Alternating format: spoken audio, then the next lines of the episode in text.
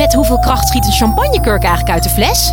Ja, het is feest bij Quest. Al twintig jaar serieus leuk, met nieuwsgierige vragen en antwoorden uit de wetenschap. Zo maken we Nederland elke dag een stukje slimmer. Nu in de winkel en op quest.nl. Laten we even een doemscenario schetsen. Jij wordt morgen aangereden en overleeft het niet. Hoeveel geld krijgt jouw familie dan? Het verlies van inkomen is een begin, maar hoe druk je andermans leed om jouw dood uit in geld? Je hoort het van Edgar Duperron van de Universiteit van Amsterdam. Hij beantwoordt in deze podcast de vraag: waarom is het zo goedkoop om iemand dood te maken? Dit is de Universiteit van Nederland. Ja, waarom is het zo goedkoop om iemand dood te maken? Ik ga het niet hebben over de tarieven van huurmoordenaars, want dat uh, uh, zou ook een heel interessant onderwerp zijn. Die zijn ook trouwens best goedkoop. Nee, ik ga het hebben over mijzelf. Ik verlaat straks dit theater, worstel mij over wat zandhopen heen en steek dan de weg over. En terwijl dat gebeurt, word ik natuurlijk aangereden door een iets te hard rijdende taxichauffeur. En ik kom met ernstig letsel daar op het wegdek terecht. Nou, die taxichauffeur die is tegen mij aansprakelijk voor mijn schade. Als automobilist en ook omdat hij te hard reed. Maar de vraag is nu, wat krijg ik eigenlijk voor schadevergoeding? Nou, als we kijken naar het soort schade dat ik heb, dan heb ik letselschade. Ik lig in de kreukels, ik moet met een ambulance naar het ziekenhuis. Daar begint de rekening al. Ik had laatst bedacht dat je ook per metro mensen naar het ziekenhuis kon vervoeren. Dus een ambulance rijtruig in de metro, dat lijkt me wel efficiënt. Maar toen wist iemand me te vertellen die er veel van weet... dat ziekenhuizen juist heel veel verdienen aan die ambulances. Dus dat is geen goed voorbeeld. Dus de rekening begint te lopen bij die ambulance, operatietafel. Duizenden en duizenden euro's. Dat is schade voor mij, maar ik heb er zelf waarschijnlijk geen last van, want ik ben verzekerd tegen ziektekosten. Dus afgezien van een bescheiden eigen risico betaalt mijn ziektekostenverzekeraar dat allemaal. En wellicht wil die verzekeraar dat dan weer gaan verhalen op die taxichauffeur, maar daar gaan we het niet over hebben. Ik heb van die ziektekosten eigenlijk geen last. Um, die ziekte die, uh, ja, zorgt ook voor pijn en verdriet, zeker als ik blijvend letsel overhoud. Daar krijg ik schadevergoeding voor. Maar de bedragen die je daarvoor krijgt zijn in Nederland uitermate beperkt. Dus dat is wel een forse schadepost. Uh, maar het hoogste bedrag dat voor zover ik weet in Nederland ooit is toegekend is 150.000 euro voor iemand die uh, helemaal invalide na een zware mishandeling in een rolstoel terecht kwam. Dus dat zijn geen grote bedragen. Maar het is toch een behoorlijk bedrag aan geld. De grootste schadepost is mijn inkomensschade. Als ik blijvend letsel heb, en ik kan niet meer werken, dan leid ik inkomensschade. Dat wordt natuurlijk voor een deel vergoed door mijn werkgever of door de verzekeraar van die werkgever, maar voor een deel ook niet. En als ik zelfstandige zou zijn, dan wordt het helemaal niet vergoed door een verzekeraar als ik niet uh, goed verzekerd ben. Dat zijn veel zelfstandigen niet. En dan is dat gewoon, ja, maar valt mijn hele inkomen weg. Dat kan in de papieren gaan lopen. En dan hebben we het echt over miljoenen die dan vergoed moeten worden. En wat een rechter dan doet, is kijken, hij stelt eerst vast van ja, wat is het letsel dat iemand overhoudt aan het ongeluk. En vervolgens gaat hij kijken, wat zou zo iemand verdiend hebben.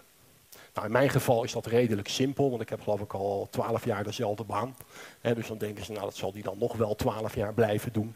en dan op die manier gaan ze dat berekenen. Als u het nou zou overkomen, een jonge, veelbelovende student, dan wordt het natuurlijk een ander verhaal. want dan heb je eigenlijk iemand studeert, nou, stel dat je eerstejaars bent. Je hebt net al je tentamens niet gehaald, omdat je heel actief was bij de studentenvereniging. Tenminste, dat zeg je zelf. Ja, maar dit soort discussies krijg je dan. Hè? Want dan, dan, dan zegt dus, uh, ja, jij zegt van ja, ik heb enorme schade. Hè? Want ik was gaan studeren. Ik was natuurlijk heel succesvol afgestudeerd. En daarna naar het buitenland had ik een geweldige baan gekregen. Miljoenen had ik verdiend in mijn leven. Dat kan nu niet meer en dat heeft u veroorzaakt. Dus dat is nu mijn schade en die verzekering van die taxichauffeur die zegt, nou als ik zo naar uw tentamenresultaten kijk, dan was het helemaal niks geworden met u. Dat soort debatten krijg je, maar je mag aannemen dat het van een, uh, van een jonge student ehm, heel erg duur kan zijn om die invalide te rijden, met je geweldige, met name geweldige inkomensschade veroorzaakt. Nou, nu gaan we de casus nog iets droeviger maken, want nu overlijd ik door die aanrijding. Ik lig daar op straat en ik ga meteen dood. Ik kan het nog compliceren dat ik eerst naar het ziekenhuis moet en daarna doodgaan, maar we houden het simpel. Ik ben meteen Wat voor een schadevergoeding wordt er dan uitgekeerd? Pijn en verdriet heb ik niet meer, dus dat scheelt. Die, dat hoeft alvast niet afgerekend te worden. Nou, dan krijg je de kosten van lijkbezorging. Dat is niet veel. Dat kan je heel goedkoop doen, hè, vanaf 2000 euro. Kan ook wat meer, 15.000 euro. Je kan ook helemaal uit de bocht vliegen. Hè, degene die onder nog de begrafenis van Pim Fortuyn herinneren. Dat, uh, ja, daar werden tonnen aan uitgegeven. Die ging met een privévliegtuig nog naar Italië. Nou, het moet wel redelijk blijven. Maar laten we even zeggen 10, 20.000 euro maximaal. Begrafeniskosten zijn overigens eigenlijk helemaal geen schade. Ja, dood gaan we toch, precies. Ja, ik hoor het daar iemand terecht zeggen. Je gaat toch dood, dus wij moeten een keer worden lijkbezorgd.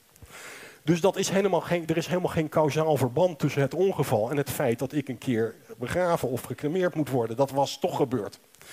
Technisch gesproken is de enige schade die er ontstaat dat dat eerder gebeurt dan statistisch verwacht. En dat er dus rentenadeel ontstaat. want je moet die begrafeniskosten eerder maken dan anders. Maar als je het economisch helemaal goed uitrekent, moet je daar weer de te verwachten prijsdaling van de uitvaarten moet je dan weer meenemen. Nou, om dat soort discussies te voorkomen heeft de wetgever gezegd, bij overlijden worden gewoon de kosten van lijkbezorging vergoed. Punt. Dus daar mag je niet over het kausaal verband uh, gaan rommelen. Um, nou, inkomensschade, ja, die is er voor mij niet, want ik ben dood. Mijn naasten die ik onderhoud, dus mijn gezin dat van mij als kostwinner afhankelijk is, die kunnen wel schadevergoeding krijgen. Doordat zij door mijn overlijden in behoeftige omstandigheden komen te verkeren. En hè, je familie, een nauw begrensde groep, kan in die omstandigheden uh, aanspraak maken op vergoeding van die inkomensschade die zij indirect lijden. Maar ja, en dat kan dus bij mij nog best een aardig bedrag worden. Maar bij die student waar ik het net over had, als die geen naaste heeft die die onderhoudt, omdat hij nog geen relatie heeft, nog geen kinderen, dan valt dat weg. Als je zelf dood bent, dan is dat er niet meer. Dus als je naar een jonge, veelbelovende student kijkt, die je invalide rijdt, hè, dan heb je pijn en smart, maar vooral die inkomensderving. Voor 20, 30, 40 jaar. Kan echt in de miljoenen lopen. Als hij dood is, heb je alleen maar die kosten van lijkbezorging. En het enige advies dat je dus als sprakelijkheidsjurist kan geven aan een automobilist. achteruit eroverheen. ja, het, is, het is treurig om te zeggen, maar het is echt waar. Ja. je bent alleen maar beter af. En gewoon net zo lang doorgaan tot hij niet meer beweegt. Dus als u dat, als u dat onthoudt, dit is ook heel nuttig om het nut van het strafrecht uit te leggen, dames en heren.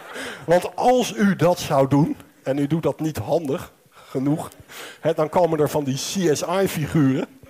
En die gaan dan vaststellen dat u een paar keer. en ja, dan heeft u toch iets uit te leggen. ik was aan het parkeren en ik, ik dacht dat hij niet helemaal goed stond of zo. Ja, u moet echt met een sterk verhaal komen. Dus als je naar het recht als geheel kijkt, nou, doe het toch maar niet. Ehm, maar in het uh, aansprakelijkheidsrecht uh, is dood echt veel goedkoper dan levend. Ja, treurig is dat, hè? Um, we moeten erom lachen, zo treurig is het. Um, wat ook daarbij een rol speelt, is dat wij geen vergoeding voor pijn en smart toekennen aan nabestaan in Nederland. Die hebben natuurlijk wel dat, net, dat, dat nadeel, net zo hebben ze niet. Maar het veroorzaakt natuurlijk nogal wat pijn en verdriet dat er iemand doodgaat. In Nederland kennen we daar geen schadevergoeding voor toe. En die kennen we ook niet toe als iemand uit een gezin heel zwaar gewond raakt. denk maar aan de brand in Volendam, waar jonge mensen voor het leven getekend zijn door die brand. Dat is natuurlijk voor die slachtoffers zelf in eerste instantie allerergst, maar ook de familie wordt er daar getroffen. En de Nederlandse wet geeft die familie geen recht op vergoeding van dat soort schade. Affectieschade wordt dat met een technische term genoemd. En de gedachte daarachter is ja, dat het leven van iemand toch niet echt op geld te waarderen is. En we hebben een, uh, ja, er is een poging geweest om dat wel uh, uh, te doen, om een vergoeding daarvoor te kennen. Dan zou je standaard 10.000 euro, was de gedachte, daarvoor krijgen. Dat was dan bedoeld als symbolische schadevergoeding. En in alle gevallen zou hetzelfde bedrag worden toegekend. Maar daar heeft een aantal jaar geleden de Eerste Kamer van gezegd dat ze dat geen goed idee vonden. Dus dat wetsvoorstel is toen afgewezen. Dat krijg je dus niet. Het leven is niet op geld waardeerbaar. Ja, vindt u dat eigenlijk? Is het, is het leven niet op geld waardeerbaar? Maar er zijn mensen die vinden dat het leven op geld waardeerbaar is. En de, ja, de vervolgvraag is dan natuurlijk op hoeveel. daar, daar, heeft u geen, daar heeft u geen, uh, geen antwoord. Heeft iemand een idee hoeveel het leven waard is? 2 miljoen. Dat is een hele goede gok. Ja, dat, is, dat 2 miljoen komt ongeveer wel in de buurt van wat, het, wat daar technisch over gedacht wordt. Ik vind het zelf wat aan de lage kant. Zeker als het om mijzelf gaat. Uh, maar uh, uh, 2 miljoen wordt. Ja, onder medici bijvoorbeeld, daar is heel gebruikelijk om uit te gaan van, van 50.000 dollar. Maar laten we maar even zeggen dat de dollar ook een euro is. Zeg maar 50.000 euro per levensjaar. Dan moet je eigenlijk denken aan een gelukkig levensjaar. Dus niet je, je laatste jaren dat je helemaal kreup wordt een verpleeghuis dicht, maar een gelukkig levensjaar. Dat wordt ongeveer op 50.000 euro gezet. En waarom is dat van belang? Omdat je dan kan kijken naar bijvoorbeeld het nut van bepaalde medische interventies. Hoeveel jaren red je daarmee en hoeveel kost die ingreep? Daar moet je gewoon afwegingen in maken. En dan kan je wel zeggen, het leven is priceless. Maar ja, dat is dus in de praktijk niet zo. En in het aansprakelijkheidsrecht is het niet anders. We hebben net gezien met dat kelderluik. Dat je zegt, ja, als je zo'n luik hebt, ja, dan moet je dus afwegen de ernst van het gevaar met de ernst eh, van de gevolgen en de bezwaarlijkheid van de voorzorgsmaatregelen. Maar als er ook maar een kans bestaat dat iemand omkomt die in zo'n luik dondert, ja, dan moet je dus eigenlijk, als je zegt het leven is priceless, moet je alles doen wat mogelijk is om te voorkomen dat er ooit iemand doodgaat. Dat betekent dat je op de snelwegen allemaal 5 km per uur moet rijden want ja, een ongeluk, komen wel eens mensen bij om. Dat doen we dus niet. Dus we, we, vinden het leven aan de ene kant wel uh, zo waardevol dat je er eigenlijk geen prijs op kan zetten. Aan de andere kant zijn we de hele tijd bezig om afwegingen te maken, ook voor onszelf, um, tussen um, ja, wat, wat, welk genot we ergens van krijgen, van hard rijden, van een sigaret roken, van een glas wijn drinken en de gevolgen die dat voor ons leven heeft. En in die um, context wordt de waarde uh, van het leven uh, geschat op zo'n 50.000 uh, dollar of euro per jaar. Je kan daar hele leuke berekeningen mee maken. Ik heb vanmiddag zitten uitrekenen hoe groot de kans is dat je omkomt bij een brand. En uh, ja, dat zijn dan weer mijn gekkigheden. En, en, en um, hoeveel mensen er per jaar omkomen op een brand, en dat levert een inkomen van het aantal inwoners van Nederland. Um, hoeveel van die branden te voorkomen zouden zijn geweest als mensen brandmelders hadden gehad. Um, dan kan je ongeveer uitrekenen dat ongeveer 60% van de overlijdensgevallen voorkomen zou worden als mensen brandmelders uh, hadden. De in de meeste gevallen waar mensen omkomen door brand zijn er geen brandmelders. Heel soms zijn ze er wel. Als je dat met elkaar verrekent kom je ongeveer op die 60% uit. Um, en dan kan je dus gewoon een berekening maken uh, hoeveel levensjaren er gered worden door brandmelders en wat een brandmelder ongeveer mag kosten als je je 10 levensjaren redt. En dat geldt een beetje ja, uh, hoe jonger en gezonder je bent, hoe meer uh, nut het heeft om in die brandmelders te investeren. Terwijl nou juist de meeste mensen die doodgaan die zijn, bij branden, die zijn ouder. Maar in mijn berekening kwam het ongeveer op de, de 10, 15 euro uit die zo'n melder mag kosten. En aangezien je ze al voor 6, 7 euro kan krijgen, zou ik als ik u was er toch maar één aanschaffen als u hem niet heeft. Dus dat neemt u dan als waardevolle tip mee. Nou, die pijn en smart Um, daar is ook nog een probleem mee. Ik heb gezegd, we geven in Nederland er hele lage bedragen um, voor. Um, maar als je geld zou geven voor pijn en smart, dan bent u toch wel met me eens dat een rijk iemand meer geld zou moeten krijgen dan een arm iemand.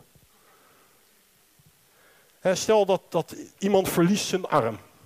Daar krijgt hij 15.000 euro voor. Nou is die iemand Bill Gates. Denk je dat hij daar blij van wordt? dat je zegt, hier Bill, 15.000 euro in materiële schadevergoeding. Want god, zijn er alweer twee seconden voorbij. Dat, wil je iemand met... Economen doen vaak alsof geld een, altijd dezelfde waarde heeft. Maar dat is natuurlijk helemaal niet zo. Voor iemand die arm is, is een kleine schadevergoeding veel meer waard dan voor iemand die rijk is. Dus wil je immateriële schade echt compenseren, dan zou je rijke mensen meer geld moeten geven dan arme mensen. Alleen dan vergoed je werkelijk de schade. Daar staat wel een prijsje tegenover voor u dat u nou weggaat en denkt van ja, die Duperon is een de knecht van het grootkapitaal. Um, want bij boetes werkt het de andere kant op. als Bill Gates te hard rijdt, en bijvoorbeeld een gewone modale Nederlander moet er 300 euro boete voor betalen, dan moet hij bijvoorbeeld 35 miljoen euro boete betalen om dat dezelfde pijn te laten doen in zijn vermogen. Nou, um, uh, zo ziet u, je kunt met die schadevergoeding uh, spelen. We uh, zetten in Nederland op het leven eigenlijk geen prijs. Het effect daarvan is dat het duur kan zijn om iemand invalide te rijden, maar dat het eigenlijk goedkoop kan zijn, wat mij betreft te goedkoop om iemand dood te maken.